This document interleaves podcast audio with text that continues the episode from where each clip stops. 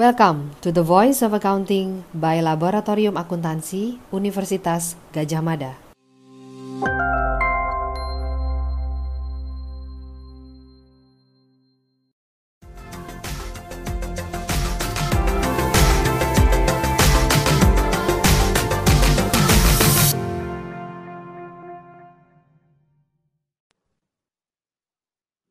Oke, okay. hai, welcome back to the Voice of Accounting. Kali ini kita akan uh, berkolaborasi dengan teman-teman dari Imagama FEB UGM dari Departemen Akuntansi S1.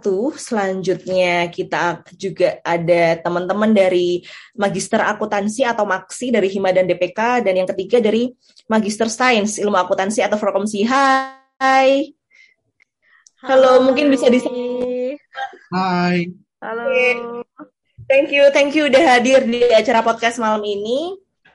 Oke, okay, uh, eh, sekarang nih aku mau ngenalin dulu teman-teman yang bakal ngobrol sama kita. Ini ada dari DPK Magister Akuntansi. Halo Mas Hakim. Halo Mbak Laksmi, apa kabar Mbak? Alhamdulillah sehat nih. Mas Hakim gimana nih kabarnya? Alhamdulillah luar biasa, mantap. Oh, mantap. Terus yang kedua kita ada teman-teman dari Magister Akuntansi dari Himanya. Ini ada Mbak Mei. Hai Mbak Mei, apa kabar? Halo Mbak Laksmi, Alhamdulillah baik sekali. Semangat Mbak Laksmi. Ya Alhamdulillah, ya makasih loh Mbak, aku disemangatin. Oke, yang ketiga kita ada teman-teman dari Magister Ilmu Akuntansi dari Forkomsi. Ada Mbak Meli. Halo Mbak Meli. Ini tadi Mbak Mei, sekarang Mbak Meli. Ya, Hai Mbak betul. Meli. Halo, halo Mbak Lasmi. Ini Mbak Meli, beda satu huruf. Saya dari Forkomsi dan saya dari Magister Ilmu Akuntansi. Salam kenal semua. Hai, sehat ya Mbak Meli ya? Alhamdulillah selalu diberikan kesehatan. Oke, dan yang terakhir kita ada teman-teman dari S1 Akuntansi. Ini dari Imagama. Ada Mas Arka. Hai Mas Arka, apa kabar? Halo Mbak, halo Mbak Laksmi, uh, kabarnya baik. Uh, Oke, okay. nextnya nih sebelum kita masuk ke bincang-bincang, mungkin kita kenalan dulu lagi kali ya sama teman-teman uh, biar lebih kenal gitu. Yang pertama, ini mungkin aku mau ngajak Mas Arka buat kenalan dulu. Mungkin Mas Arka bisa kenalin nih ke teman-teman biar teman-teman makin tahu Mas Arka dan Imagama gitu.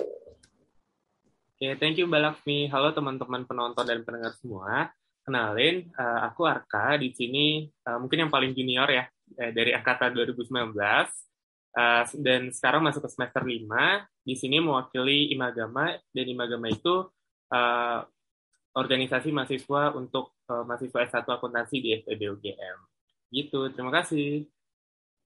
Oke, okay, thank you Mas Arka. Jadi Mas Arka ini dari Imagama, lalu yang kedua mungkin kita bisa kenalan lagi sama Mbak Meli. Halo Mbak Meli. Selamat malam Mbak Laksmi. Izin memperkenalkan diri teman-teman semua dan juga mungkin pendengar setianya The Voice of Accounting. Uh, saya Meliani, saya perwakilan dari Forkomsi. Untuk Forkomsi sendiri sebenarnya uh, mem memayungi tiga jurusan yang ada di Magister Ilmu uh, Eko Ilmu Ekonomi dan Bisnis UGM ada manajemen, ada ilmu ekonomi dan akuntansi. Kebetulan saya adalah perwakilan dari jurusan akuntansi. Oke, kalau tadi setelah kita kenal sama Mas Arka dan Mbak Meli ini dari Forkomsi, ini ada dua teman-teman kita dari Magister Akuntansi, ada Mas Hakim sama ada Mbak Mei. Nah, Mbak Mei ini dari Hima dan Mas Hakim ini dari DPK. Mungkin dari Mbak Mei bisa perkenalan diri Mbak, biar kita tahu nih apa bedanya Hima dan DPK gitu. Oke, siap. Makasih Mbak Laksmi atas kesempatannya. Halo teman-teman semua, nama aku Mailani Intan Pertiwi. Aku dari Magister Akuntansi bareng sama Mas Sultan Hakim. Cuman uh, di sini aku mewakili dari teman-teman Hima atau Himpunan Mahasiswa Magister Akuntansi di mana organisasi ini merupakan organisasi pelaksana, istilahnya begitu, Mbak. Jadi eksekutifnya gitu yang mengeksekusi seluruh kegiatan uh, yang terkait dengan kegiatan-kegiatan yang ada di Magister Akuntansi. Begitu, Mbak. uh, Laksmi. Selanjutnya mungkin dari Mas Sultan Hakim nih, yang sama-sama dari uh, Maksi juga, cuman kita beda organisasi. Iya betul. Mau Hakim. Terima kasih sudah dipersilahkan oleh Ibu Ketua Hima dan Mbak Laksmi. Sebelumnya saya mau menyapa dulu selamat uh, datang teman-teman sekalian di Fakultas Ekonomika dan Bisnis UGM. Selamat bergabung juga pada podcast The Voice of Accounting. Di sini uh, saya Sultan Hakim dari Magister Akuntansi di semester 3 uh, eh, bergabung dengan DPK yaitu DPK itu sebagai uh, pengumpul suara atas uh, kayak teman-teman di Magister Akuntansi itu sebenarnya butuhnya apa terus nanti akan disampaikan kepada Hima dan pengurus dari Maksi itu sendiri untuk dieksekusi gitu kegiatannya yang dibutuhkan oleh teman-teman mahasiswa. Sekian Mbak Laksmi. Oke, berarti lengkap banget ya ini. Uh, ada yang dari S1, ada yang dari S2, yang Magister Sains, kemudian ada yang dari S2 uh, eh, Magister Akuntansi. Dan Magister Akuntansi ini pun lengkap juga, ada yang dari pelaksananya, dan ada yang dari DPK-nya. Mungkin kalau misalnya kita uh, flashback ke zaman-zaman SMA, DPK itu mirip kayak MPK gitu ya Mas ya. Jadi lebih ke pengawasnya gitu ya. Betul betul. Oke oke, seru nih, bakal seru nih. Nah, ini kan uh, kita uh, ini ya, kalau dilihat dari backgroundnya Mas Hakim, Mas Arka, Mbak Meli, Mbak Mei itu kan uh, pasti udah beberapa tahun nih di akuntansi dari S1 sendiri uh, Mas, Mas Arka yang join Imagama pasti udah lebih dari satu tahun dua tahun gitu untuk mempelajari akuntansi di, di di universitas. Kemudian uh, Mbak Meli Mbak Mei Mas Hakim pasti udah lebih dari empat tahun mempelajari akuntansi dan sekarang masih sangat konsisten untuk uh, belajar di bidang yang sama di bidang master. Nah menurut teman-teman nih, gimana sih kuliah di program akuntansi, khususnya di S1 akuntansi atau di magister akuntansi di dan magister ilmu uh, magister sains jurusan ilmu akuntansi karena uh, ini kan pasti teman-teman itu sangat persisten ya belajar akuntansi. Gimana sih rasanya? Mungkin bisa sharing gitu. Gimana di akuntansi itu untuk belajar kayak makin tersesat tuh makin asik gitu Mbak Laksmi dan teman-teman sekalian tuh. Jadi kayak apa ya? Misalnya kayak ketika uh, mempelajari ini uh, terkait sama misalnya kalau tentang pembiayaan tuh kayak leasing gitu. Misalnya kayak belajar leasing itu kayak mungkin kalau misalnya di buku uh, di buku teks atau yang biasa kita pakai itu biasa kiso kan. Itu tuh kayak leasing metodenya ini gitu. Ini tuh aplikatifnya untuk uh, kasus X. Padahal kan ketika in real life gitu, entitas itu uh, pada saatnya leasing itu banyak banget kasusnya dan itu kayak bisa merembet ke bagian sumber pembiayaan yang lain, terus bisa uh, merembet ke pajak dan lain-lain, terus pelaporan keuangan, terus masalah audit dan lain-lain. Jadi kayak makin makin tenggelam tuh kayak makin asik gitu. Tapi ya itu tapi tidak tidak membuat maniak juga sih. Kayak makin maniak makin pusing tentunya.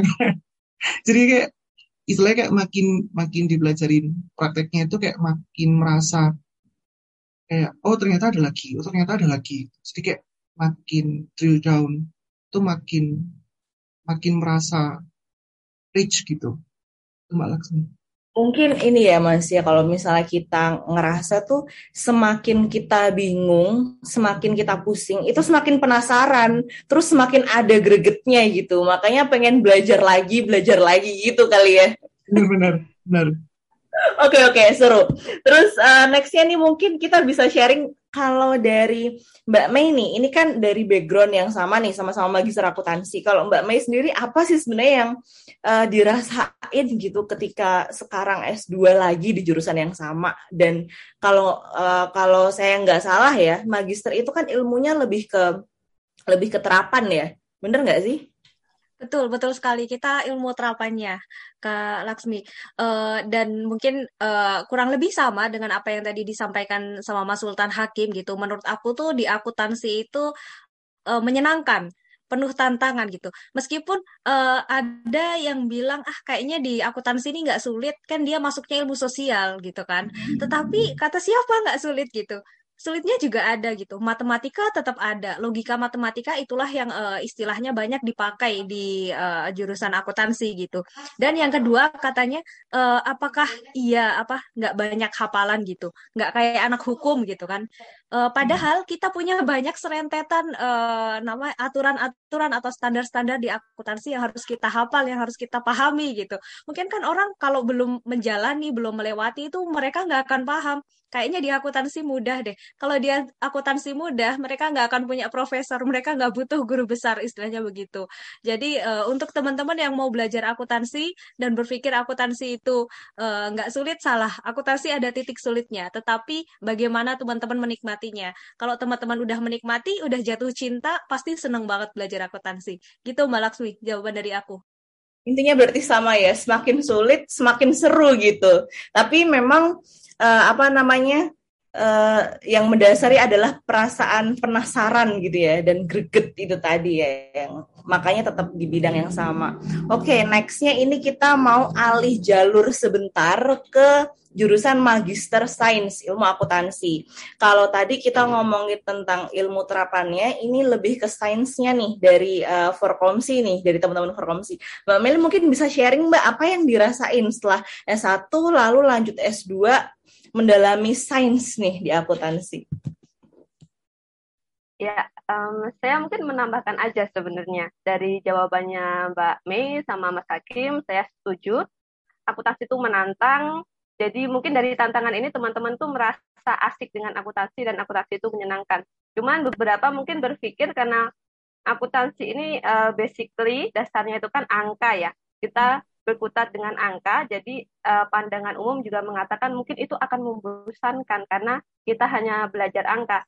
Tapi uh, memahami logika kita bermain angka tadi, logika abstrak itu, saya pikir itu yang akan membuat akuntansi itu sebaliknya bukannya membosankan tetapi malah menyenangkan dan uh, karena saya belajar untuk ilmu akuntansi bukan praktek, jadi kita lebih bagaimana memahami fenomena yang terjadi, lalu bagaimana kita mem memahami hubungan antara satu dengan lainnya, bisa menjelaskan apa yang terjadi. Nah, itu uh, di dalam akuntansi kita juga melihat dari berbagai angka yang ada di sana dan saya pastikan itu pasti akan menyenangkan. Terima kasih. Oke, okay. uh, setelah kita melihat dari perspektif uh, akuntansi sebagai praktek dan akuntansi sebagai ilmu, sekarang kita move ke akuntansi di bidang S1 ini ada Mas Arka dari Imagama, mungkin bisa sharing Mas, uh, gimana yang dirasakan, yang dialami pengalaman kuliah di jurusan akuntansi selama mungkin 2-3 tahun ya, Mas Arka ya? S1. Iya, benar. Hmm. Oke, sebelum thank you Mbak Laksmi. Uh, saya disclaimer dulu. Di sini saya baru dua tahun uh, belajar tentang akuntansi, jadi kayaknya uh, ilmunya kayak belum sebanyak kakak-kakak yang ada di sini. Jadi kayak saya di sini kayak insecure gitu. Tapi ini kita melihat dari perspektif uh, ini ya mahasiswa yang belum terlalu yang belum terlalu lama belajar akuntansi, so it's fine gitu pasti akan ada sesuatu yang seru dan berbeda nih dari teman-teman yang mungkin udah lama. Dan teman-teman yang mungkin udah S2 pun mungkin kalau kita uh, tanya uh, bandingkan pendapatnya dengan dosen-dosen kita dengan guru-guru kita mungkin juga akan ada perspektif yang berbeda ya. Jadi ya nggak apa ini akan menambah wawasan kita gitu. Kalau dari pendapat pribadi saya sendiri mbak di akuntansi S1 FEB UGM itu uh, selama saya dua tahun kuliah itu yang pertama seru banget tapi di satu sisi juga menantang. Yang pertama kenapa seru? Karena saya sebagai mahasiswa akuntansi S1 FEB UGM itu merasa mendapat privilege yang sangat besar, terutama dalam hal opportunity. Dan ditambah lagi, kita sebagai mahasiswa S1 di FEB, akuntansi FEB UGM itu uh, merasa memiliki state of liberty di mana kita bisa memilih mau jadi seperti apa dan mau menjadi apa di masa yang akan datang. Lalu tadi saya juga bilang kenapa menantang. Nah, itu karena simply karena lingkungan di akun lingkungan di S1 akuntansi FEB UGM itu yang hmm. rasanya lumayan kompetitif, tapi di satu sisi juga suportif gitu. Oh ini. Nah, jadi kayak ngelihat teman-teman di S1 akuntansi kayak banyak yang kayak orang-orangnya driven-driven banget, terus kayak keren-keren banget, jadi kayak merasa tertantang buat put pressure di dalam diri sendiri. Itu sih Mbak. Jadi selain merasa tertantang, tapi uh, apa namanya lingkungannya, terus uh, environmentnya itu sangat saling support ya, Mas ya kalau di S1 kayak gitu ya. Nah, uh, ini kan tadi teman-teman udah sharing nih, ada yang merasa bahwa oh ada pendapat di luaran bahwa akuntansi itu gampang kok cuman ngafalin nggak uh, ada atau mungkin ada yang bilang nggak ada hafalannya atau mungkin uh, sesimpel yang penting kanan sama kiri seimbang gitu ya nggak sih? Kalau kadang kita ngomongin pendapat orang-orang di luar padahal sebenarnya akuntansi itu lebih dari itu. Akuntansi itu adalah ilmu akuntansi itu adalah uh, sesuatu yang uh, kalau dibilang sulit ya sulit tapi menyenangkan gitu. Nah uh, ekspektasi teman-teman gimana sih ketika uh, setelah menjalani perkuliahan ini nih jadi dari dulu yang sebelum masuk ekspektasinya apa, terus setelah menjalani kuliah gitu gimana? Apakah meet the expectation atau mungkin kurang dari itu? Mungkin dari Mas Arka nih, dari yang yang uh, eh, SMA-nya gimana, terus mau masuk akuntansi karena apa gitu? Mungkin bisa cerita dulu. Uh, jadi mungkin tadi saya jawab pertanyaan pertama dulu ya, ekspektasi di sebelum masuk ke akuntansi FEB UGM itu seperti apa. Jadi dulu pas SMA, uh, eh, ekspektasi di FEB UGM itu kayaknya kuliahnya santai deh. Kenapa gitu? Karena kayak, oh, iya. ya, ya karena kayak pemakan stereotip kan biasa tuh di Instagram kayak hmm. ada yang uh, anak FEB, anak fakultas ekonomi kayaknya pada santai, terus pakainya santai. Terus ternyata realitanya pas masuk bener sih anak-anaknya santai. Maksudnya pakainya santai tapi kalau udah masuk dalam kelas itu kayak udah lingkungan yang berbeda gitu loh. Kayak bener-bener kompetitif anak-anaknya. Walaupun kayak uh, di luar kelas bisa jadi santai banget di organisasi juga bisa santai banget bisa ngobrol sama orang lain bisa goal banget. Tapi kalau udah masuk kelas kayak ya udah gitu kompetitif banget sih dalam kelas. Itu sih mbak. Jadi mungkin iklim di dalam kelas itu saling berlomba belajar menunjukkan diri gitu ya Terus kalau di luar ya kita ya udah santai, kita event, kita makan ke mana, main ke mana, ya udah gitu. Beda iklim di luar sama di dalam. Itu kan kalau dari teman-teman S1 ya. Kalau dari teman-teman uh, eh, S2 nih mungkin dari Mbak Meli, Mas Hakim atau Mbak Mei dulu nih yang mau sharing. Gimana ekspektasinya dan apakah ekspektasi yang dulu diharapkan itu meets dengan apa yang didapatkan sekarang? Ayo, siapa dulu? Saya mungkin menawarkan diri nih. menawarkan diri Mbak Lasmi buat cerita. Kebetulan saya sendiri dari ilmu akuntansi. Hmm. Jadi kalau yang uh, di luar akademik, ekspektasi saya kan magister nih. Mungkin mengulang materi yang ada di S1. Jadi saya berharapnya mungkin bakalan lebih santai ya. Ternyata sama seperti yang disampaikan Mas Arka sama hmm. sekali enggak. Jadi tidur kurang, begadang malam itu sudah biasa kalau buat anak-anak akuntansi. Uh, papernya juga banyak karena memang tanggung jawabnya belajar. Kalau dari segi akademik, uh, kalau di UGM sendiri ketika kita mau daftar sudah diberikan informasi terkait kurikulum. Nah, itu cuman uh, ternyata ketika saya masuk hmm. itu melebihi ekspektasi ternyata nggak cuma belajar yang materi, paper, kurikulum yang disampaikan, tetapi kami juga didorong untuk berpikir kritis, bahkan kami dikasih pernah ada design thinking, itu juga masuk ke kurikulum, kita didorong untuk kayak public speaking, gimana menyampaikan presentasi di conference, itu juga uh, kita dipersiapkan di Magister Ilmu Akuntansi. Itu sih kalau dari ilmu akuntansi. Terima kasih. Oke, okay. next ini mau um, Mas Hakim dulu atau Mbak Mei dulu nih yang sharing? Atau aku tunjuk nih? Tadi udah nunjuk-nunjuk terus soalnya, jadi pengen nih dari teman-teman ada yang inisiatif, oh, aku dulu gitu. Ladies first dulu deh, Ibu negara dulu. Aduh, oke okay, siap deh uh, aku ada dua ekspektasi sih. Pertama kali belajar akuntansi itu karena melihat sering ada debit kredit tadi seperti yang Mbak Laksmi sampaikan gitu. Sepertinya kalau udah balance antara debit sama kredit itu bakal selesai, bakal kelar kerjaan kita. Ternyata enggak ternyata yang dicari itu adalah cerita di balik angka gitu. Jadi cerita di balik angka lah yang dicari gitu, bukan hanya melulu tentang angka. Jadi uh, ternyata akuntansi tidak hanya sekedar membalancekan begitu, tapi mencari tahu ada apa sebenarnya di balik kata balance atau di balik mungkin ada yang tidak balance gitu. Kita harus mencari tahu kenapa bisa begitu gitu. Terus yang kedua, kalau uh, ekspektasi dulu masuk di uh, eh, UGM gitu ya. Sama mungkin sama Mas Arka, sama Mbak Meli bahwa kayaknya santai. Apalagi karena aku dari praktisi, kayaknya aku butuh deh praktek aku butuh deh kerja, aku butuh deh magang. Ternyata untuk sekedar praktek dan magang itu tidak bisa. Bahkan ketika udah kuliah, udah organisasi itu berasa dikejar-kejar sesuatu dan uh, waktu tidur pun itu sangat kurang sekali karena memang tugasnya luar biasa banyak. Tetapi sampai sekarang aku masih punya keyakinan bahwa istilahnya di UGM inilah tempat aku ditempa.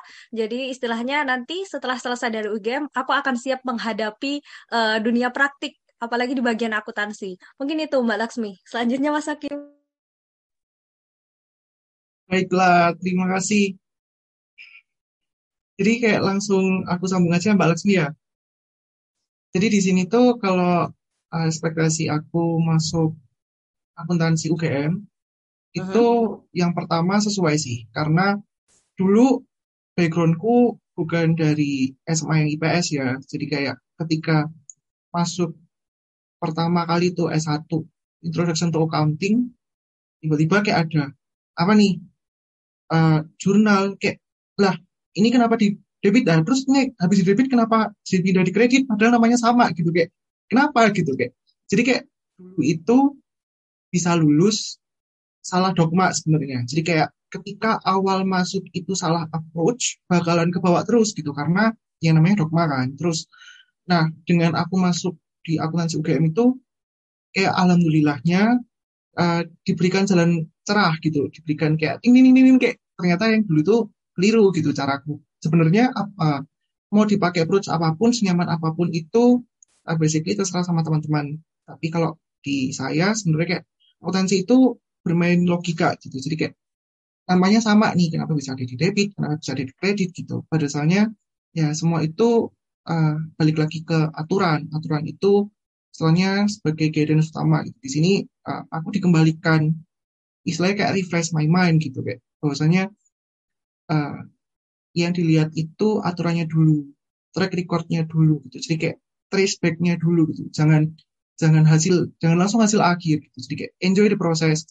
Itu yang ekspektasi pertama. Terus ekspektasi kedua, uh, aku, uh, Departemen Akuntansi UGM really shape myself gitu. Kayak apalagi uh, saya dulu awalnya masuk tidak dari langsung tidak dari jalur magister tapi dari jalur pendidikan profesi gitu. Jadi kayak uh, yang dulu mungkin terkait dengan business combination itu caraku uh, melihat case itu masih berantakan dan di sini tuh bertemu dengan guru-guru yang ah super baik hati untuk mentransferkan ilmunya gitu. Jadi kayak antara dulu yang salah persepsi sekarang dibenarkan terus ditambah insight baru kayak rasanya ya bersyukur gitu. Kayak curiosity ke istilahnya kayak curiosity-nya itu diberikan makan gitu. Jadi kayak bagi teman-teman yang punya jiwa uh, menantang istilahnya kayak menantang diri gitu terus penasaran. Yeah. departemen akuntansi UGM ini kayak udah bakalan beyond your expectation serius. Uh, ini aku setuju banget sih sama yang udah teman-teman karena aku kan sama ya mas, saya kan backgroundnya sama sama-sama IPA ya waktu SMA dan dulu tuh uh berasa banget waktu masuk akuntansi itu struggle-nya itu yang kerasa gitu loh. Karena memang uh, saya kan suka matematika memang. Dan tidak mau di IPA karena kan memang saya merasa oh, aku nggak bisa nih untuk mata pelajaran lain. Pun nggak bisa. Aku cuma suka matematika aja. Makanya uh, pengen masuk di akuntansi kayak gitu. Nah terus uh, dulu wah sempat berdarah-darah juga nih semester 1 dan saya tuh membayangkan bahwa ekspektasi saya, oh akuntansi itu mudah. Di akuntansi itu menyenangkan, teman-temannya seru gitu. Nah, ternyata sama kayak yang dibayangin dengan Mas Arka. Wah, waktu langsung kelas, teman-teman itu sangat highly kompetitif di kelas itu yang uh, suasana kelas itu sangat bagus, sangat menyenangkan gitu loh. Yang pada nanya, terus um, saling pengen uh, partisipasi kayak gitu. Nah, tapi yang yang bikin saya suka adalah teman-teman itu sangat suportif. Jadi ya waktu itu akhirnya saya berhasil melewati semester satu dengan alhamdulillah baik ya walaupun berdarah-darah juga gitu. Tapi ini overall sebenarnya memang uh, kita terlalu ini ya mungkin ekspektasi di jurusan akuntansi itu awalnya menyenangkan. Ternyata setelah terjun, wah begini ya ternyata. begini ya ternyata. Oke, okay, move to another question. Uh, kalau misalnya nih, aku pengen tanya um, pertanyaan yang mungkin simple bagi teman-teman. Uh, satu kata aja menurut teman-teman apa itu akuntansi? mungkin uh, tadi kan udah ladies first nih, udah udah ladies first kan dari Mas Hakim. Mungkin sekarang aku mau nanya ke Mas Hakim lagi nih, yang mungkin abis uh, aku tanyain lagi. Akuntansi dalam satu kata, apa itu? Balance. Oh balance, oke. Okay. Next, Mbak Meli mungkin. Akuntansi dalam satu kata, apa itu? Proses. Um, tapi izinkan saya untuk sedikit.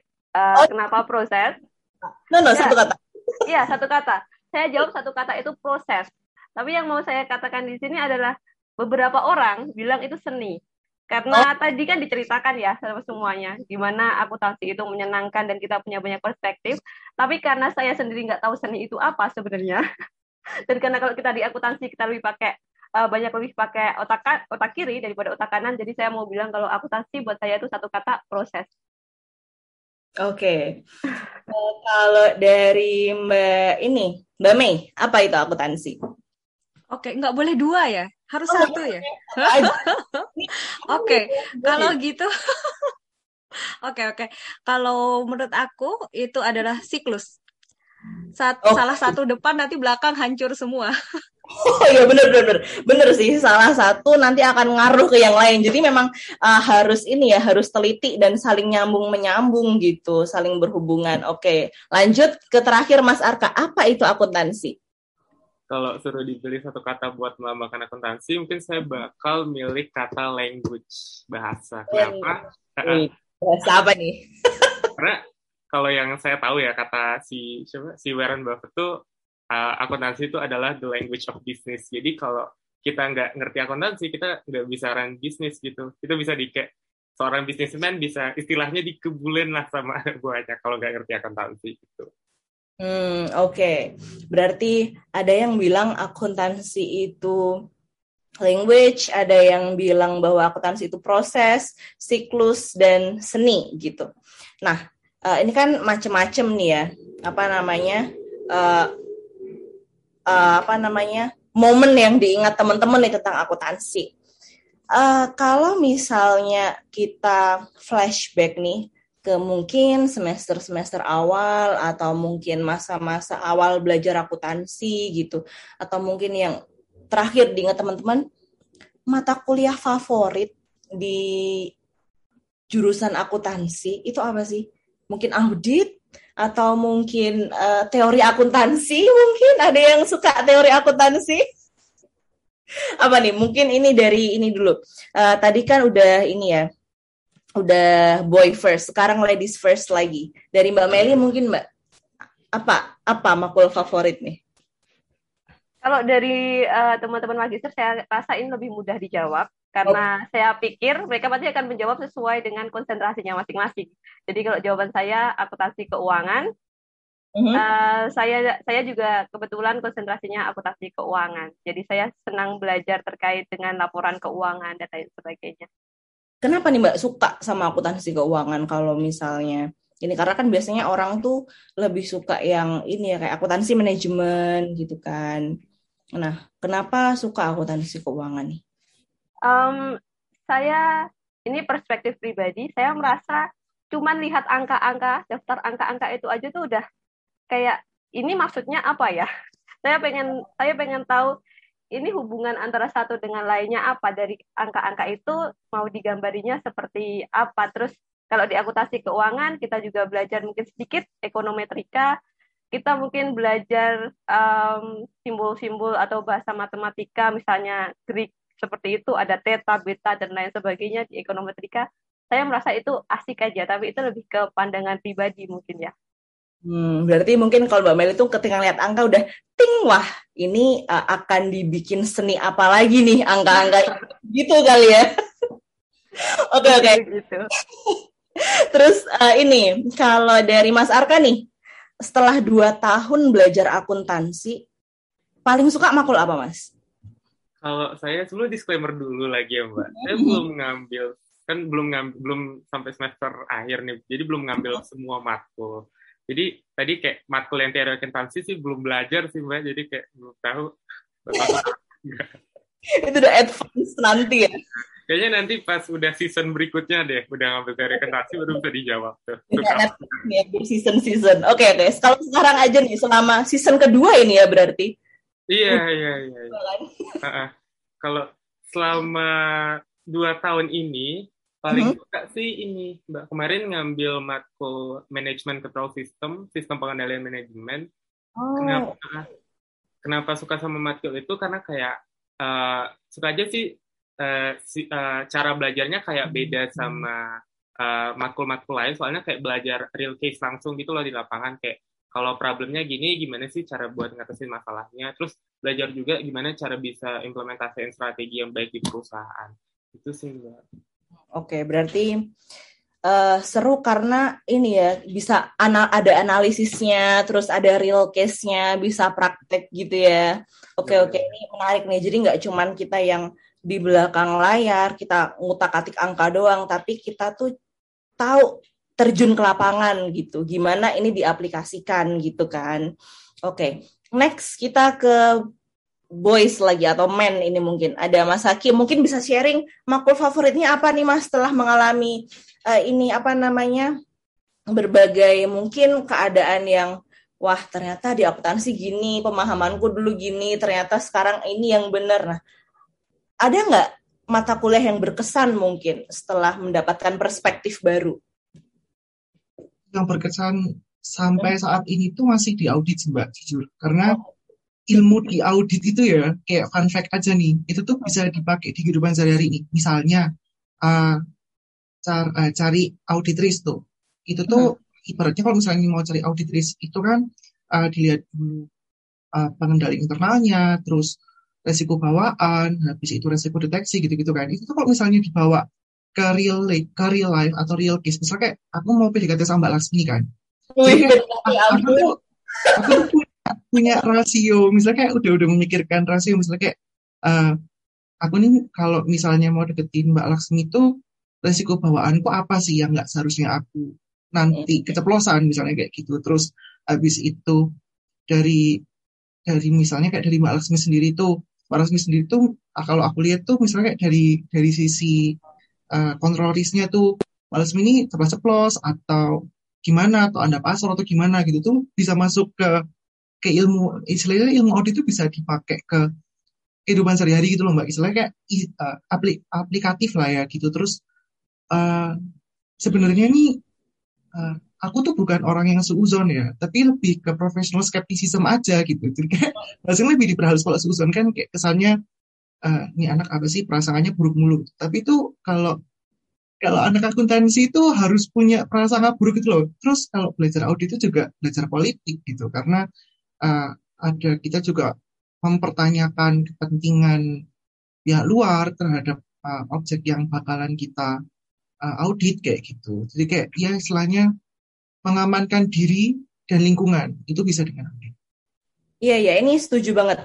Uh, kadang tuh kalau misalnya ngomong sama auditor tuh kayak, ih ini auditor kenapa sih seuzon mulu, trust issue mulu, uh, kenapa selalu yang nggak percaya terus, padahal enggak. Itu kita sedang dalam rangka critical thinking kita itu bekerja gitu kayak, oh apa iya, apa benar? gitu loh. Jadi uh, kalau misalnya gampangnya nih, kita tuh jadi ter terbiasa bahwa kalau kita belum melihat sendiri buktinya, kita tidak mudah percaya ya nggak sih? Itu dalam membentuk professional skepticism ya kan? Dan kita perlu belajar nature-nya proses bisnisnya.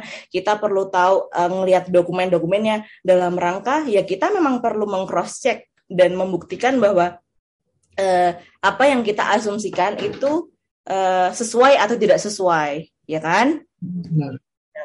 Nextnya terakhir ini dari Mbak Mei. Oke Mbak Mei, apa nih Mbak makhluk okay.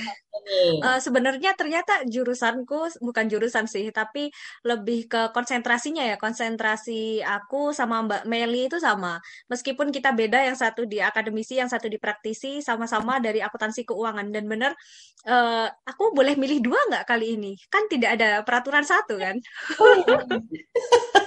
Kalau bisa dua, kenapa harus satu itu, Mbak? Oke, yang pertama itu dari akuntansi keuangan.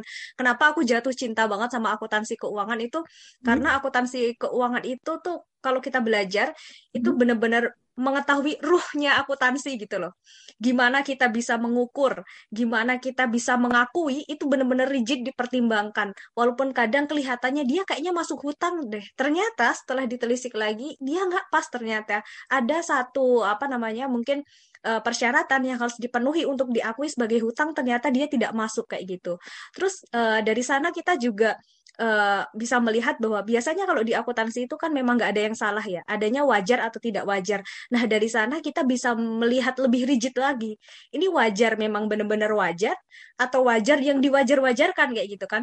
Karena mungkin uh, apa ya namanya di earnings management itu kan pasti kita uh, sebagai seorang akuntan itu kan punya hak untuk memilih salah satu metode yang akan digunakan gitu.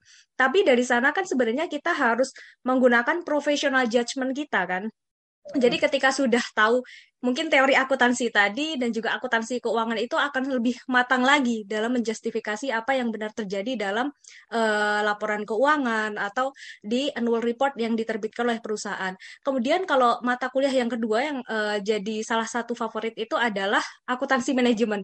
Benar kenapa kalau aku seneng banget sama akuntansi manajemen, ketika aku belajar akuntansi manajemen tuh aku berasa jadi bos. Wih, nah, jadi pimpinan untuk bener ketika aku belajar di akuntansi manajemen tuh nanti belajar secara spesifik di persediaan di produksi atau di penjualan itu bener-bener berasa kok aku udah kayak manajer aja aja ya gitu. Padahal itu masih case yang harus diselesaikan mungkin dalam satu kelas atau apa. Tapi benar-benar dan sebelum S2 ini aku juga pernah kerja gitu di perusahaan multinasional dan benar ternyata uh, ilmu yang banyak terpakai adalah uh, ilmu yang ada di akuntansi manajemen dan akuntansi keuangan. Itu Mbak. Terima kasih Mbak Laksmi. Oke, sama-sama ini berarti seru banget ada yang uh, suka akuntansi keuangan, ada yang suka uh, manajemen kontrol sistem, ada yang suka pengauditan, ada yang suka akuntansi manajemen. Jadi variatif ya dari berbagai background dan berbagai latar belakang gitu. Well, oke. Okay. Uh, tadi kan kita udah ngomongin pengalaman uh, gimana sih kuliah di uh, akuntansi, terus ekspektasinya gimana, terus kemudian uh, kenapa di akuntansi dan mata kuliah favorit gitu. Nah, kalau misalnya sekarang uh, apa aja sih suka dukanya teman-teman nih kuliah di jurusan akuntansi atau mungkin uh, peristiwa yang berkesan yang mungkin bisa juga peristiwa atau pengalaman kan ada pengalaman baik, menyenangkan, pengalaman buruk, kurang menyenangkan, tapi yang berkesan atau mungkin bisa jadi pelajaran nih buat uh, teman-teman ke depannya atau mungkin uh, sampai di titik saat ini apa sih kira-kira? Atau mungkin bisa juga cerita keinginan yang belum terwujud gitu ketika kuliah. Uh, monggo nih siapa dulu? Mungkin uh, dari ini kali ya, uh, yang paling junior dulu mungkin. dari Mas Arka. Oke, okay, Mas Arka. Mungkin bisa cerita ke kita gitu, Mas. Thank you, Mbak Laksmi. Uh, mungkin saya mau jawab pertanyaan itu ya. Tadi menarik pertanyaannya momen yang paling berkesan. Saya mungkin mau berkesan kan bisa berkesan baik atau berkesan buruk ya. Saya mau mungkin yang yang punya memberikan kesan buruk dulu soalnya ini baru dekat banget kemarin. Mungkin ini nggak terlalu tragis atau nggak terlalu menyedihkan. Jadi uh, kemarin pas uh, ujian akhir semester kemarin itu sempat lupa ngirimin eh nggak lupa sempat uh, tidak mengirimin jawaban uas. Jadi kayak ada yang satu halaman yang tidak ke scan gitu loh. Jadi kayak uh, sampai sampai waktu nilai keluar baru tiba-tiba kaget. Eh perasaan kemarin uasnya bisa-bisa aja. Terus baru pas lihat oh, oh iya ternyata, iya ternyata kemarin oh, pas lihat lembar jawaban ujian iya iya ternyata kemarin ada satu halaman yang lupa ke scan gitu. Itu sih momen yang paling pengen dilupain. Oh, ya, cukup fatal ketika iya. kita online kayak gini gitu loh. Dengan uh, udah dosen kita itu kan kuliah akuntan uh, kita kan jurusannya kuliahnya di akuntansi ya. Tadi kan di, dibilang kalau akuntansi itu selalu ada skeptis terus uh, apa namanya selalu apa namanya critical thinking gitu. Mungkin dari uh, kuliah online ini juga banyak yang timbul trust issue gitu kan ya. Nah, Terus gimana Mas nilainya? Apakah masih selamat, masih aman, atau harus ngulang lagi semester depan mungkin? aman kan ya harusnya? nilainya aman, masih masih dalam jangka aman lah, tapi ya tidak sesuai ekspektasi awal. Soalnya kayak ya gitu deh, kayak gitu. Iya sih. Uh -uh. Ada ini ya kayak, aduh nyesel banget nih ya, kok bisa. banget sih apa-apa, masih semester 4 ya, menuju semester 5 masih ada kesempatan untuk memperbaiki di makul selanjutnya nih. Semoga masih bisa ambil 24 ya. Jadi nanti ada kesempatan ulang tuh. Oke, okay. nextnya ini ke ini, Mas Hakim. Ada nggak sih Mas, uh, dengan pengalamannya Mas Hakim yang udah banyak juga tuh tadi, yang paling berkesan tuh apa? Yang paling berkesan tuh uh, dengan jembatan kuliah akuntansi, aku bisa ngerasain international exposure.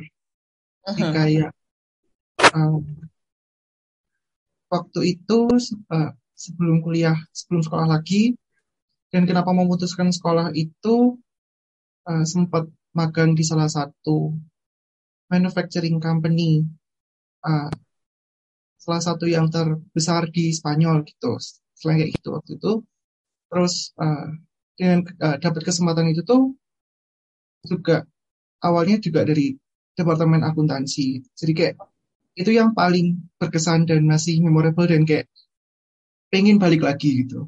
Karena hmm. mungkin dari working environment terus dari supporting environmentnya gitu. Itu kayak uh, selainnya kayak dan gaining knowledge-nya itu uh, waktu intern beneran kayak ya bukan malah bukan ngerasa jadi anak intern gitu loh. Malah malah misal di Indonesia kan uh, misalnya kayak magang di company misalnya kayak uh, as a trainee gitu. Bukan trainee juga ya intern ya. Kalau intern itu kan mungkin uh, kalau dari cerita teman-teman aku tuh uh, kayak ya diperlakukan selayaknya anak intern gitu. Ya misalnya kayak dari manajemen tuh kayak kurang dipercaya gitu untuk handle something gitu. Jadinya kayak mungkin kurang explore atau kurang apa gitu. Tapi dengan ini kemarin kayak untuk memutuskan sekolah lagi itu juga ya ini perlu nih gitu ntar. Jadinya dari mulai dari akuntansi terus bisa dapat kesempatan salah satu kesempatan besar lalu memutuskan untuk uh, sekolah lagi karena kemarin tuh penasaran gitu dengan project yang dikasih sama mantan bos gitu. Terus itu. Jadi kayak mungkin sekarang kemarin sih terakhir uh, sempat nge-skype sama mereka gitu. Jadi kayak tanya kapan lulus? gitu. Terus ya hmm. doakan tahun ini gitu. Perlu bantuan ngurus visa nggak buat ke mana? gitu kan. Terus balik aja sini balik gitu. Terus kayak entar izin mamah dulu gitu. Izin ibu negara dulu gitu. oke. okay. Ini uh, dengan kuliah di jurusan akuntansi itu membuka uh, apa namanya kesempatan baru gitu. Benar. Dan bikin uh, bikin Mas Hakim tuh nggak cuma nambah pengalaman tapi nambah ilmu juga dan ujungnya muaranya itu jadi sekarang pengen mendalami lebih lanjut biar dapat kesempatan yang mungkin lebih banyak dan lebih luas lagi gitu ya di masa Benar. depan. Benar Mbak Laksmi. Jadi kayak ya itu salah satu privilege untuk kuliah di akuntansi. Balik lagi ke katanya Mas Arka tadi kayak akuntansi emang beneran jadi satu bahasa ibu gitu. Bahasa ibu, bahasa back to language. Oke. Okay. Yes. Uh, kalau dari Mbak Mei, um, ini kan Mbak Mei uh, banyak ya pengalamannya. Jadi uh, kalau nggak salah ketua hima juga gitu. Jadi yang organisasinya uh, jalan dengan segudang kegiatan terus uh, nggak bisa meninggalkan kewajiban juga nih sebagai mahasiswa yang bertanggung jawab terhadap uh, akademik gitu. Nah, ada nggak suka duka atau mungkin uh, hal yang berkesan? Pasti ada lah, pasti ada dong. Mungkin bisa cerita nih Mbak. Oke oke. Kalau yang paling berkesan sih memang yang membahagiakan itu uh, bisa berjejaring dengan orang banyak gitu, baik di lingkungan UGM ataupun di luar lingkungan UGM selama jadi mahasiswa magister akuntansi gitu. Dan luar biasa sekali berdiskusi dengan banyak orang itu kan membuka pikiran kita gitu untuk lebih memahami uh, hal-hal uh, yang mungkin tidak bisa kita dapatkan di kampus begitu. Itu yang menyenangkan sampai saat ini dan masih ingin terus berjejaring salah satunya dengan uh, podcast ini gitu. Bisa ketemu dengan Mas Arka bisa ketemu dengan Mbak Laksmi Mbak Meli yang sebelumnya itu sepertinya kalau di Nalar nggak akan ketemu. Kalau saya sama Mas Sultan kan karena masih satu jurusan gitu satu program studi jadinya pasti akan ketemu. Tapi kalau uh, dengan Mbak Meli Mas Arka Mbak Laksmi kalau tidak dengan kegiatan seperti ini kita nggak akan ketemu. Dan uh, saya senang banget untuk terus bisa berjejaring gitu. Tapi ada juga uh, pengalaman yang pengen banget dilupain dan itu memalukan, asli memalukan. Tapi untungnya saat kejadian ini sudah masa pandemi, jadi pakai masker. Jadi meski dimaki-maki orang, nggak kelihatan mukanya. Jadi ceritanya karena ada temen uh, uh, alumni dari uh, IPB, hmm? dia melanjutkan studi S2-nya di UGM, di Faperta kan berarti. Pas di ya. Faperta ya. itu uh, dia uh, kan harusnya kita harusnya maju lurus ya, bukan langsung ambil ke kanan harus ke arah uh, kalau dari akuntansi itu kan ambil ke kiri terus harusnya itu lurus dulu. Iya. Nah dia itu ngeyel karena kata dia nggak apa-apa kita cuma ke kanan cuma dikit doang. Nggak ada mel 10 meter. Itu paling cuma berapa meter kata dia gitu. Itu di pertigaan itu aku udah was was jangan ini jalan satu arah. Aku nggak suka melanggar aturan gitu. Nah di tengah perdebatan kita ternyata ada satu mobil uh, yang arahnya itu memang dari sana. Dan teman dan temanku itu ternyata keburu gas duluan. Dan akhirnya si mobil ini benar-benar berhenti di depan motor kita benar-benar berhenti terus ternyata itu sepertinya dosen cukup sepuh juga. Dia sampai keluar dari mobil kita benar benar dimarahin kalian nggak bisa baca ya? Ini ada tanda satu arah harusnya kalian ke sana. Dan itu benar-benar memalukan sampai ada beberapa orang yang lewat gitu loh. Tapi ya itu untungnya masa pandemi masih pakai masker jadi oh terselamatkan ya. Tapi dengan podcast ini jangan-jangan orang yang waktu itu melihat jadi tahu oh ternyata itu mbaknya tapi oke sih jadi uh, pelajaran berharga bahwa mungkin itu hal kecil tetapi tidak boleh disepelekan buat teman-teman semua. Daripada menanggung malu seumur hidup lebih baik dihindari. Itu Mbak Laksmi. Mungkin ini kalau misalnya uh, saat itu lagi ada random random apa namanya audit gitu uh, lagi ada auditor yang datang ke situ Mbak udah ini ya masuk kategori temuan gitu ya. Karena kan ya, benar, benar banget Aduh, itu malunya Masya Allah luar biasa.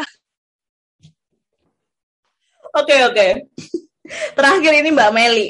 Uh, mungkin bisa sharing Mbak pengalaman kalau tadi kan uh, apa namanya Mas Arka tuh dari IPK terus uh, uh, apa namanya ujian kalau Mas Sultan membuka uh, apa namanya kesempatan. Kalau Mbak Meli ini bervariasi ya pengalamannya Mbak Mei sorry Mbak Mei variasi ya. Ada yang menyenangkan, ada yang mungkin kurang menyenangkan. Kalau Mbak Meli gimana nih? Um, kalau dari saya mungkin pengalamannya yang paling berkesan mungkin ya kalau lebih um, di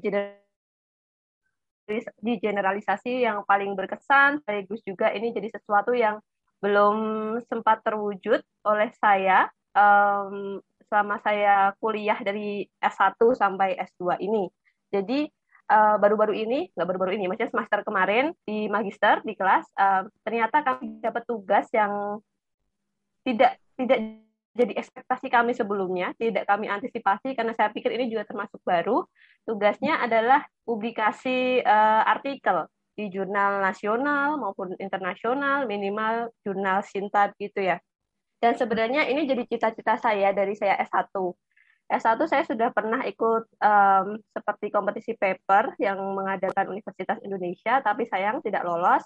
Lalu bagi saya di Magister Ilmu Akuntansi ini di UGM itu jadi pengalaman pertama saya untuk submit artikel itu riset kelompok dengan teman-teman uh, ke salah satu jurnal nasional. Jadi karena ini pengalaman pertama, jadi ini jadi sesuatu yang paling berkesan. Susahnya gimana menggabungkan ide dari empat orang di dalam kelompok yang satu mungkin ada ide begini yang satu ide begini uh, nggak semut juga gimana kita bisa menggabungkan itu menjadi sebuah artikel lalu uh, proses buat submit ke jurnal ternyata juga nggak simple dari penulisannya dari uh, berbagai macam persyaratannya ketika kita submit itu jadi pengalaman yang paling berkesan sekaligus untuk saat ini masih dalam proses jadi juga sekaligus belum terwujud untuk cita-cita itu. Itu sih.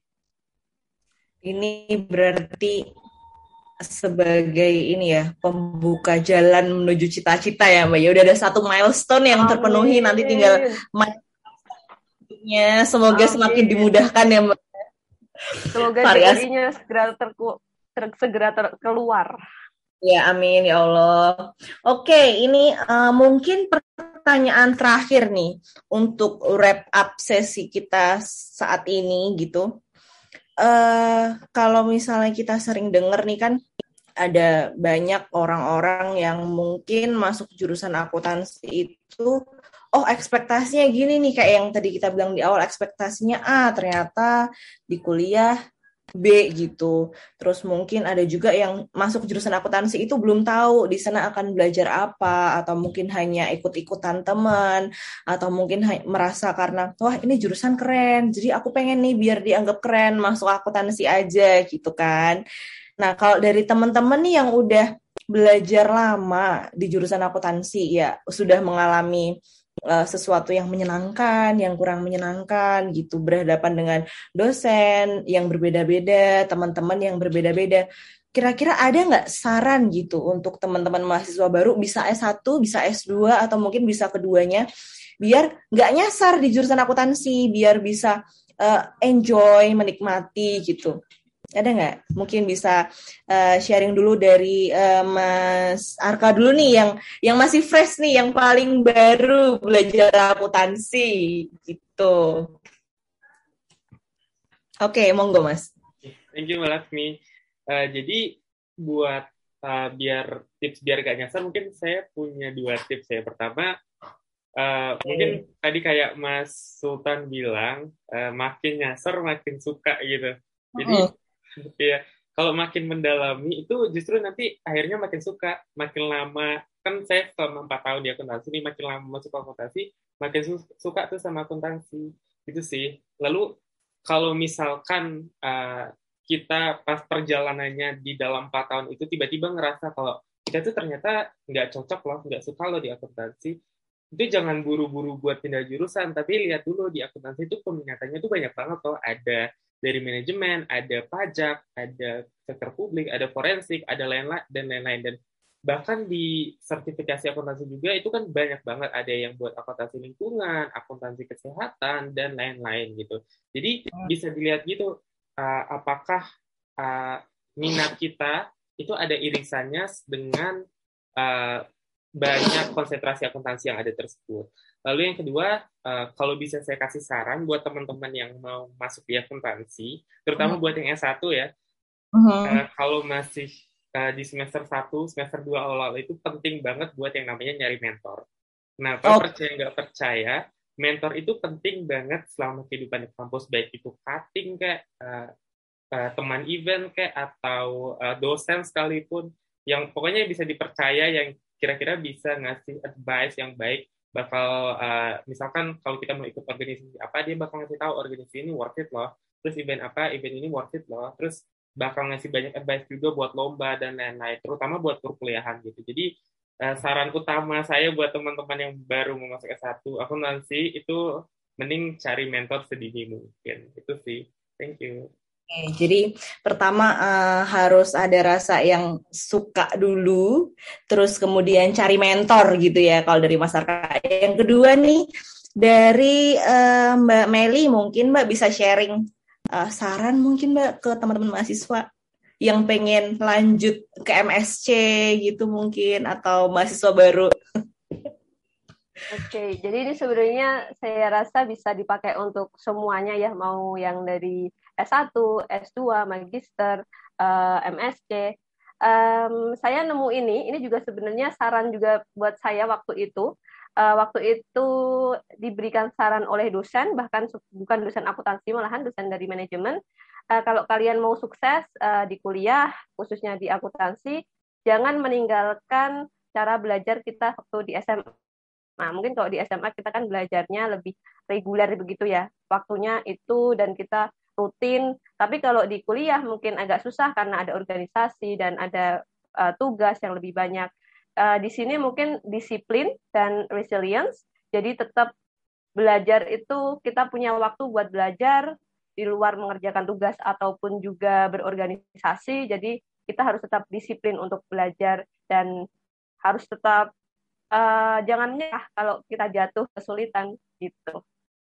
Oke, dari uh, Mbak Mei nih. Tadi kan kalau dari Mbak Mei udah yang harus tetap persisten gitu, konsisten, jangan merubah kebiasaan. Kalau bisa kita menambah kebiasaan bagus ya. Kalau Mbak Mei nih gimana? Mungkin agar bisa balance antara kehidupan akademik dan organisasi atau kalau uh, mungkin uh, ini apa namanya beda orang mungkin beda apa ya namanya beda perspektif bisa juga beda keyakinan bisa juga beda uh, apa namanya alasan begitu ya. Uh, kalau menurut aku kuliah dan organisasi itu balance gitu aku nggak suka ketika hanya kuliah aja. Aku malah pusing. Tapi ketika aku capek dengan kuliahku, aku akan lari di organisasiku gitu. Dan aku pengen memastikan diriku ketika aku capek, ketika aku lelah, aku nggak lari ke hal-hal yang mungkin itu nggak baik gitu. Ketika hmm. aku capek, uh, tapi kan mungkin ada orang yang introvert dan extrovert ya. Kalau orang extrovert itu kan justru ketika pengen ngecharge energinya itu dia cari orang. Beda sama orang introvert yang ketika dia capek merasa lelah, aku butuh waktu sendiri nih. Nah, kalau aku tuh ngerasa energiku tuh benar-benar berapi-api kembali setelah ketemu orang lain dengan pemikiran begini. Ih, kok bisa gitu ya gitu. Nah, aku iya. lebih tipikal orang yang gitu. Makanya aku dari dulu uh, eh, SMP pun aku sudah jadi ketua OSIS. Jadi dari dulu memang uh, organisasi itu sudah uh, apa ya menjadi bagian dari hidupku gitu. Jadi aku menyenangi itu. Tapi untuk tips biar nggak nyasar di akuntansi sendiri itu mungkin alasannya terdengar klis ya. Uh, yang penting itu nikmati prosesnya gitu. Jangan buru-buru menyerah benar sama uh, yang dikatakan Mas Arka tadi jangan buru-buru menyerah. Dan uh, butuh rasa suka butuh rasa cinta. Kalau kita udah suka kita cinta kita mau berdarah-darah pun itu nggak akan kerasa. Beda kalau kita udah benci duluan mungkin kita disakiti dikit aja langsung mundur. Tapi kalau kita udah cinta udah berdarah-darah tadi kata Mbak Laksmi di awal uh, pembicaraan kita kita tetap akan berjuang gitu dengan sepenuh hati gitu. Dan ya itu semua jurusan itu punya titik sulitnya masing-masing. Mau lari dari akuntansi, milih jurusan lain, uh, barangkali teman-teman belum tahu titik sulitnya di mana, nanti teman-teman akan pindah jurusan lagi, akan pindah jurusan lagi, dan akan selalu melakukan hal yang sama berulang-ulang, dan gak akan pernah menyelesaikan apa yang teman-teman mulai. Jadi ketika sudah dimulai, ayo kita selesaikan dengan sebaik mungkin. Gitu Mbak Laksmi. Oke, Oke, jadi berusaha untuk uh, ketika kita capek, kita bosan mengalihkan hal-hal itu ke sesuatu yang positif, misalnya dengan sesuatu yang kita suka, gitu. Jadi jangan sampai tersesat ke arah yang buruk. Terus jangan terburu-buru menyimpulkan bahwa oh ini nggak cocok nih buat aku, langsung keluar dulu di semester satu, gitu ya. Benar-benar okay. Uh, nextnya ke Mas. Kim nih, sharing Mas Ayo. Uh, tadi kan udah variasi, jawaban kita tuh selalu variasi ya dari tadi, beda-beda terus gitu. Seru gitu, insight-nya banyak. Kalau dari Mas Hakim gimana? Kalau dari aku nih, mungkin buat uh, mungkin dari buat teman-teman S1 dulu ya, misalnya kayak waktu aku flashback nih, uh, buat teman-teman yang merasa salah jurusan nih terutama kayak selamat datang dulu aku ucapkan kepada teman-teman IPA di Fakultas Ekonomika dan Bisnis tidak ada IPA-IPAnya ya kan. kayak semester satu kayak welcome to the jungle gitu. Ada memang tipikal uh, teman-teman yang cinta pada pandangan pertama, ada yang tresno jalaran soko kulino. Nah, mungkin teman-teman yang dari IPA itu mungkin bisa menanamkan ini, tresno jalaran soko kulino gitu kayak. Ya ini memang harus ditempuh, ini memang harus dijalani. Jadi ya wis lakonono sesuka hati wis itu. Jadi kayak biar nggak tersesat, ya lak, uh, lakukan dengan sesuka hati, sepenuh hati. Uh, temukan mentormu yang balik lagi ke katanya Mas Arka. Mungkin aku bakalan ngerangkum yang Mbak Laksmi ya. Karena sudah sesi, uh, maksudnya kayak yang terakhir, uh, temukan mentormu, uh, baik itu di kakak tingkat waktu lomba atau di organisasi, apalagi di lingkungan FEB UGM itu uh, kompetitif dan semua ingin maju dan tidak ada yang ingin meninggalkan dirimu, jadinya pergunakan kesempatan itu yang baik. Dosen itu tidak menyeramkan, anggap dosen itu temanmu, tapi dengan ranah yang uh, masih dalam ranah sopan. Jadi kayak yeah. minta advice. Uh, mentor itu tidak harus selalu kakak tingkat, tidak harus selalu teman sebaya. Langsung ke dosen tuh boleh. Jadi kayak curhat, curhat cerita gitu. Pasti kan ketika di kelas, uh, misalnya uh, saya diajar nih sama Pak Amin gitu. Terus kayak, wah ini kakak aku banget nih gitu. Jadi kayak langsung uh, saya apa langsung email terus cerita problem gitu kan beliau lebih dulu di bidang akuntansi gitu dan bidang profesionalnya gitu jadi kayak uh, temukan segera temukan mentormu segera jatuh cinta terus uh, jangan melakukan uh, kalau misalnya jenuh atau apa itu wajar tapi lampiaskan dengan hal-hal yang tidak membuat dirimu menyesal di kemudian hari Oke, jadi Oh iya Mbak, satu lagi. Oke, oke, apa lagi? satu lagi ini, ini tuh uh, dapat bocoran dari uh, dari teman-teman aku di S1. Hmm? UGM itu menghargai teman-teman yang punya prestasi. Jadi buat teman-teman S1 nih uh, ikut lomba, terus segera klaim insentif ke si master.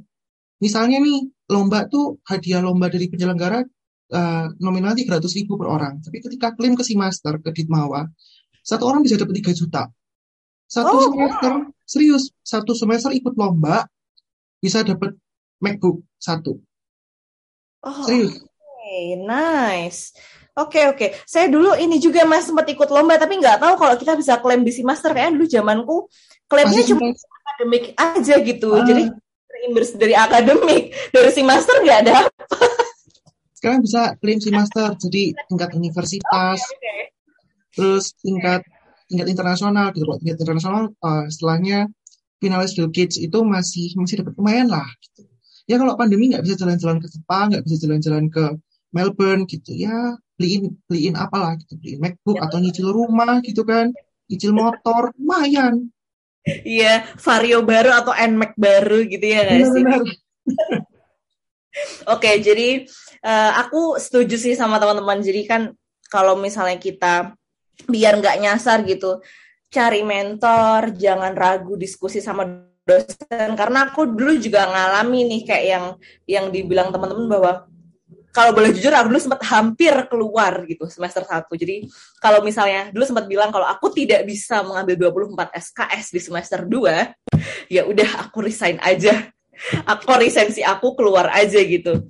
Tapi untungnya waktu itu dosen-dosen di akuntansi itu baik gitu loh. Jadi menerangkan dengan sabar, open for discussion gitu. Terus uh, apa namanya teman-teman juga banyak yang bantu. Dan benar kalau misalnya harus cari mentor, harus ikut uh, apa namanya tutorial. Karena dulu yang ngebantu banget itu tutorial asistensi sama asdos sama grader terus belajar sama teman itu sangat membantu. Jadi ketika nanti kita di kelas kita lebih gampang untuk untuk tanya ke dosen istilahnya kita nggak kosong gitu nggak yang bodoh-bodoh banget masuk ke kelas itu gitu loh nah terus juga uh, jangan sampai yang terlalu sering menyimpulkan mungkin kalau saya dulu terlalu uh, terlalu menyimpulkan gitu cepat menyimpulkan ya udah aku keluar aja saya nggak akan jadi seperti sekarang gitu. Saya nggak akan ketemu dengan Mas Arka, nggak akan ketemu dengan Mbak Meli, nggak akan ketemu dengan Mbak Mei, Mas Hakim dan Mas ma, uh, teman-teman yang lain gitu. Jadi uh, tipsnya mungkin bagi teman-teman adalah jangan pernah terburu-buru menyimpulkan, nikmati dulu prosesnya. Siapa tahu seiring dengan berjalannya waktu, uh, IPK-nya akan semakin bagus. Terus kita akan menemukan insight-insight baru yang membuat kita semakin suka dengan akuntansi, kita semakin uh, penasaran dengan akuntansi dan kita semakin jatuh cinta gitu. Jadi pengen mendalami lebih lanjut. Uh, juga yang terpenting adalah jangan uh, jangan ragu untuk tanya untuk meminta bantuan karena di sini uh, banyak supporting system yang siap membantu gitu. Oke, okay, nah uh, terakhir Uh, untuk selanjutnya kita akan ada kolaborasi lanjutan nih antara laboratorium akuntansi dengan teman-teman dari S1, Maxi dan MSC untuk konten-konten creation di podcast. Dan juga teman-teman audiens yang lainnya bisa untuk mengusulkan ingin membahas topik apa, caranya gampang banget dengan cara komen atau uh, kasih feedback ke kita melalui Spotify atau di Instagram. Stay tune di sosial media at lab.aktugm atau at imagamafeb atau at HIMMAUGM underscore S2 dan terakhir at Forkomsi FEBUGM untuk info-info selanjutnya dan feedback selanjutnya terkait konten-konten yang ingin di-create di podcast. Well, uh, sekian untuk podcast kita malam ini. Mungkin uh, kita lanjut besok lagi ya. Ini udah cukup lama juga, udah berepisode-episode juga. Oke, mungkin kita bisa ini dulu say bye dulu ke teman-teman. Jadi biar um, besok kita bisa see you lagi gitu. Dah, terima kasih teman-teman. Makasih Mbak Mei, Mbak Meli, Mas Hakim dan Mas Arka. See you di konten selanjutnya ya. Bye. Thank you.